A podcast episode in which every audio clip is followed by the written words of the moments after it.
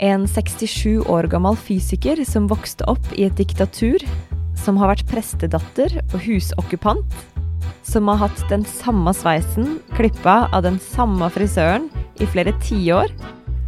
Hun blei EU sin fremste kriseløser og symbolet på et samla Europa. Deshalb bin ich sehr dankbar, dass wir unsere gemeinsamen Grundlagen, aber auch zukünftige Projekte in der Washingtoner Erklärung hva er det som har gjort Angela Merkel til nettopp Angela Merkel? Og ikke minst, hva kan skje nå som hun gir seg? Du hører på Forklart fra Aftenposten. Jeg heter Anne Lindholm, og i dag er det onsdag 25. august. Skal vi bare begynne på, begynne på begynnelsen? Ja. Ingrid Brekke, du er utenriksjournalist her i Aftenposten. Du er mye i Berlin, og du har skrevet bok om Angela Merkel, som jo er født Angela Kastner. Ja, hun blir da født i, i 1954 i Hamburg, som ligger eh, i det vestlige eh, Tyskland. Um, hennes foreldre tok henne med i en liten kurv da hun var noen måneder gammel, og flytta uh, over grensa og inn i DDR, altså det som var kommunistdelen av det uh, delte uh, Tyskland. Det gjorde de fordi faren hennes var prest og hadde fått kallet, at han hadde en viktig jobb å gjøre der, følte han. Og han hadde nok også en viss tro på at dette landet skulle utvikle seg til å bli et, et godt samfunn. Eh, så da eh, havna hun der. Eh, hun hadde mesteparten av barndommen sin på en ganske mm, stor prestegård i byen, lille byen Templin, som ligger kanskje sånn halvannen times kjøring fra Berlin. Det var et sted hvor man også tok seg av psykisk utviklingshemma, så hun vokste opp sammen med ganske mye forskjellige folk. Og så hadde hun to søsken.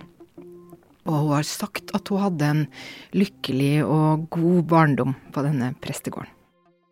Men valget faren tar for seg og familien sin, betyr også at lille Angela Kastner vokser opp i kommunistiske DDR, i et samfunn som er langt fra fritt.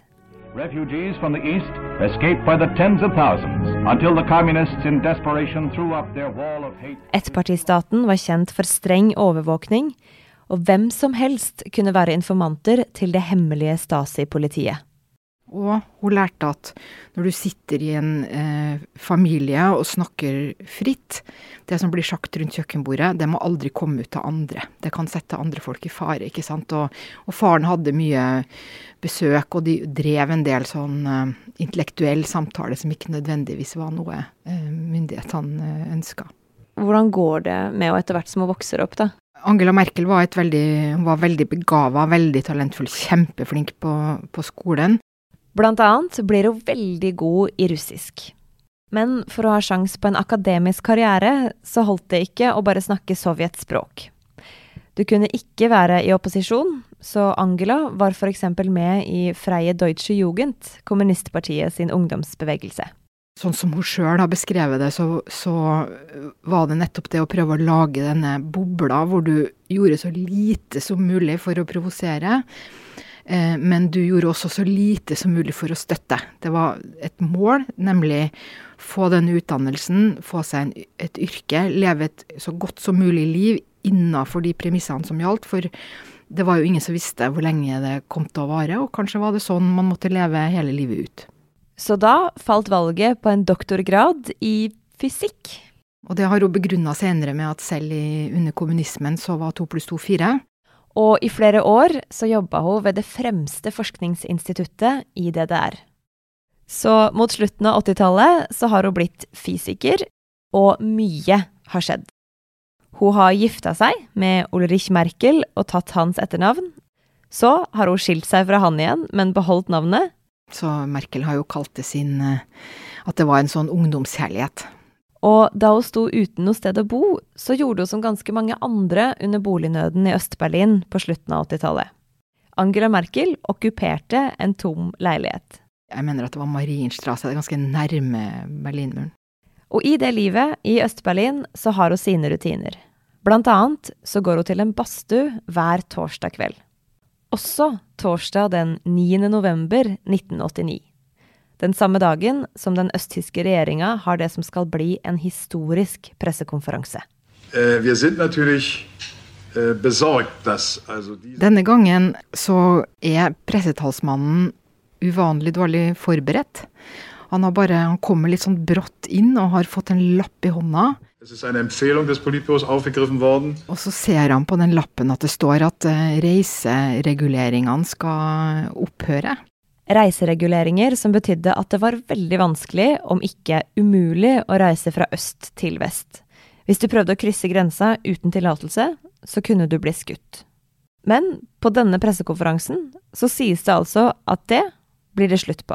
Grenseovergangspunktet der DDR eh, auszureisen. Og så er det en italiensk journalist som eh, er til stede. Og dette er altså på direktesendt TV. Rekker opp hånda og stiller det veldig smarte spørsmålet eh, fra når da? Så sier pressetalsmannen, han vet jo ikke, eh, så han bare sier nei, det må vel være fra nå? Som? Så mange berlinere går til den 3,5 meter høye muren som har delt byen i snart 30 år, for å se om det virkelig er sant at den er åpen. Mens Angela Merkel hun får med seg at det er noe på gang. Men så har hun denne avtalen da, om å gå i badstua med en venninne. Det er viktig å holde avtaler, og dette var en plan, ikke sant? Og så når hun da går hjem igjen eh, etter dette saunabesøket, så ser hun at folk driver og går over Bornholmer brygge. Eh, som er den første grenseovergangen som åpna. Og så går hun dit, da.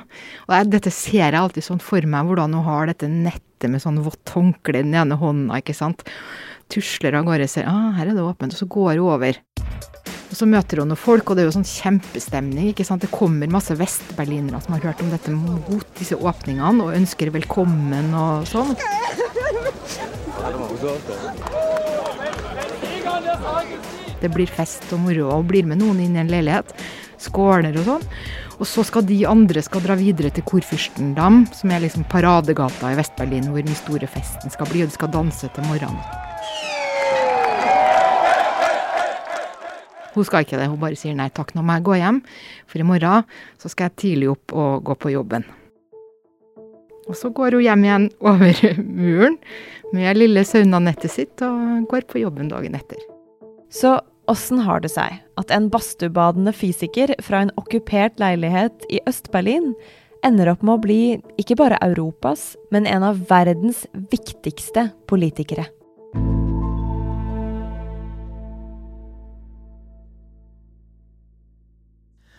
Eine Impfung schützt nicht nur Sie, sondern auch immer jemanden, dem Sie nahestehen, der Ihnen wichtig ist. Altså, Angela Merkel ligner ikke på noen andre eh, tyske toppolitikere. Kanskje ikke på noen andre toppolitikere i hele Europa. Eh, da hun ble kansler, var hun den aller yngste. Hun var den første fra DDR. Hun var jo den første kvinna. Så alt med Angela Merkel er på en måte annerledes. Og også måten hun nå slutter på, er spesiell, fordi at hun gir seg frivillig. Ingen andre kanslere har gått av bare sånn av seg selv. De blir enten taper de valg, eller det har vært en skandale eller noe som gjør at de blir pressa ut. Og karrieren hennes har jo heller ikke vært typisk for en politiker. For først da Angela Merkel var 35 år, da Berlinmuren falt, da kunne hun finne plassen sin i et demokratisk samfunn. Noe av det første hun gjorde, det var å gå fra politisk parti til politisk parti. Eh, altså gå på politiske møter og prøve å finne ut hvor hun hørte hjemme. Og til slutt så falt valget på det lille konservative Demokratischer Aufbruch, demokratisk oppbrudd. Og der begynte hun, sa hun bare har dere bruk for meg til noe, eh, jeg vil gjerne være med. Og fordi hun var naturviter, så noe av det første hun gjorde, var å få i oppgave å sette opp eh, datamaskiner som de hadde fått tilsendt fra Vesten som sånn eh, til støtte for demokratioppbygging, ikke sant. Eh, så hun fikk den rollen, og så oppdaga man etter hvert at hun kunne mye, så hun ble pressetalskvinne for dem.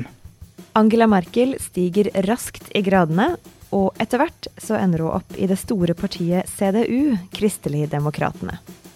Og i 1991 får hun sin første ministerpost, for i det nye forente Tyskland så var det en bonus med bakgrunn fra det gamle DDR på CV-en. Og da fikk Angela Merkel det aller minst viktige, så hun ble da eh, minister for kvinner og ungdom. Så plutselig sitter altså Angela Merkel i en regjering i et demokratisk land, men veit egentlig knapt åssen et demokrati fungerer. Du skal lære deg alt fra hvordan kredittkort fungerer, til hva som er referansene i de politiske debattene, ikke sant. Men hun klarte det. Så unge Merkel har imponert partiet. For i neste regjering blir hun miljøvernminister, og etter en korrupsjonsskandale så blir det plutselig plass til henne helt på toppen av partiet. Og i 2005 så blir partileder Angela Merkel forbundskansler for hele Tyskland. Så det er hele tida denne blandinga av eh, talent, eh, stort talent, stor kapasitet eh, og litt flaks. Hvordan har bakgrunnen hennes fra DDR påvirka den typen politiker hun er blitt? Pga. den uh, bakgrunnen i dette uh, kommunistiske landet, så har hun ingen sans for ideologi, og det gjør også at hun ikke har visjoner. Altså hun er en utrolig pragmatisk politiker. Men, men Ingrid, det å ikke være visjonær som politiker, det å ikke ha en ideologi, mm. høres jo kjempedumt ut. Mm. Hvordan, hvordan, er det en suksessoppskrift? Ja, men, men, man kan si at det hun har, en voldsom respekt for demokratiske institusjoner. Og hun anser på en måte sin jobb som politiker som et håndverk. Altså det å drive politikk innafor disse demokratiske institusjonene. Og jeg tenker også at fysikeren jo viser seg i denne tilnærminga at, at det oppstår et stort problem. Hun skaffer seg oversikt over problemet eh, og ser hva, hva vil bli alternativene Altså hvis man prøver å løse sånn, hva skjer da? Hvis man prøver å løse sånn, hva skjer da? Og så kommer man fram til OK, vi går for dette. Så um, styrer man i den retningen. Og så kanskje oppstår det da en situasjon hvor noen har funnet en bedre løsning, så går man dit i stedet. Og sånn holder man på. Og det var også denne evnen til å finne løsninger som ga henne det virkelige internasjonale gjennombruddet som EU sin kriseløser under den økonomiske eurokrisa i 2010. Merkel presented a nine-point plan to stabilize the euro, with strict rules for both troubled member states and their private creditors. But Merkel remains under fire for her handling of the crisis. Men midt i dramaet så var Merkel helt taus. Og det var sånn, skal jo ikke kommentere i dag. Nei, ikke i dag heller. Og vi journalister ble jo helt gærne, ikke sant. Hvorfor? Du kan jo ikke bare Og det var nok litt det der at Hvorfor skulle hun si noe hvis hun ikke hadde noe spesielt å si? Og her så er det jo lett at tankene går tilbake til oppveksten i DDR. For hun er veldig god på å ikke røpe hva hun føler eller tenker. Hun svarer heller ikke på spørsmål om, om hva du føler og sånn. Det syns hun er helt irrelevant. Hun har bygd en veldig høy mur mellom sin offentlige og sin private person. Har aldri vist fram kjøkkenet sitt eller eh, gitt noe sånn hjemme hos-intervju. Og hun bor i en leid hun kjemper kjempenøktern, drar på ferie eh, til trolig de samme klærne mm, hvert år. Og når Merkel skal pynte seg for store anledninger, så har hun mange ganger blitt tatt bilde av i den samme festkimonoen. Knall turkis. Men hvis du ikke har sett partykimonoen til Angela Merkel, så er det et annet bilde du kanskje har sett. Et bilde hvor Donald Trump sitter i en stol med armene i kors og ser sur ut. Rundt han står flere av verdens ledere i dress, og dama som står midt i bildet, lener seg over bordet og ser strengt på Trump. Det er Angela Merkel. Altså, Hun har jo bygd seg opp en voldsom autoritet internasjonalt. Eh, og det handler jo delvis om at når du sitter så lenge, så kjenner du alle folk. Du har møtt dem mange ganger, ikke sant. Men det handler også om at hun kan snakke med folk. Hun er veldig kjent for å være kjempeflink til å gå rundt i et rom og, og, ta tak i den ene etter den andre, snakke litt med dem. Hun gjør mye research på de folka hun skal møte, så hun vet ganske mye om dem. Eh, og, noe som f.eks. vi i Norge nyter godt av, det er jo at Merkel har eh, eh, prioritert ganske høyt å også snakke med små land.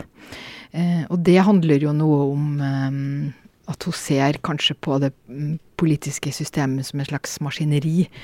Eh, sånn at både de store og de små tannhjulene må virke. Det jeg tror hun ikke viser så ofte, er jo at hun har en god eh, humoristisk sans. Jeg husker på et Nato-toppmøte i Wales så ble vi alle ristet i noen busser frem og tilbake til en, en mottagelse hvor det gikk litt sakte. Eh, og da var hun den som faktisk underholdt i baksetet det er også noe med dette bildet som vi alle kjenner, hvor hun står litt sånn heva opp over eh, Donald Trump, og alle lederne står rundt og sånn. Man skal også vite at det er sendt ut av hennes egen presseavdeling, og tatt i en bestemt vinkel. Så det er Man må jo ikke glemme at midt oppi dette er Angela Merkel også en politisk strateg som har sin egen eh, dagsorden, og driver eh, politikk og imagebygging som også andre politikere gjør. All denne strategien da, og det talentet vi har snakka om, kapasiteten vi har snakka om, den stødige ledelsen, det at EU ringer henne hver gang det er noe, bare kom og hjelp oss. Så hva skal skje når hun blir borte? Jeg tror nok at eh, spesielt i EU-systemet så, så, vil eh, nok mange savne eh, Merkel. Og det handler om dette at hun kjenner alle og har snakka med alle og klarer å bidra til å løse problemer raskere eh, enn mange. Kanskje handler det også om at man har lent seg altfor mye på hun og på Tyskland og tatt for lite ansvar selv. Det er jo et demokratisk eh, fellesskap, hele dette EU-systemet, da. Den følelsen eh, mange ledere og politikere i verden har hatt av at man virkelig trenger Angela Merkel til å uh, løse krisa eller sørge for en viss stabilitet, det tror jeg nok at uh, de vil skjønne etter at hun har gått, at det handler mye om Tysklands rolle. Det vil ikke bli et stort, tomt rom med ingenting uh, etter Angela Merkel.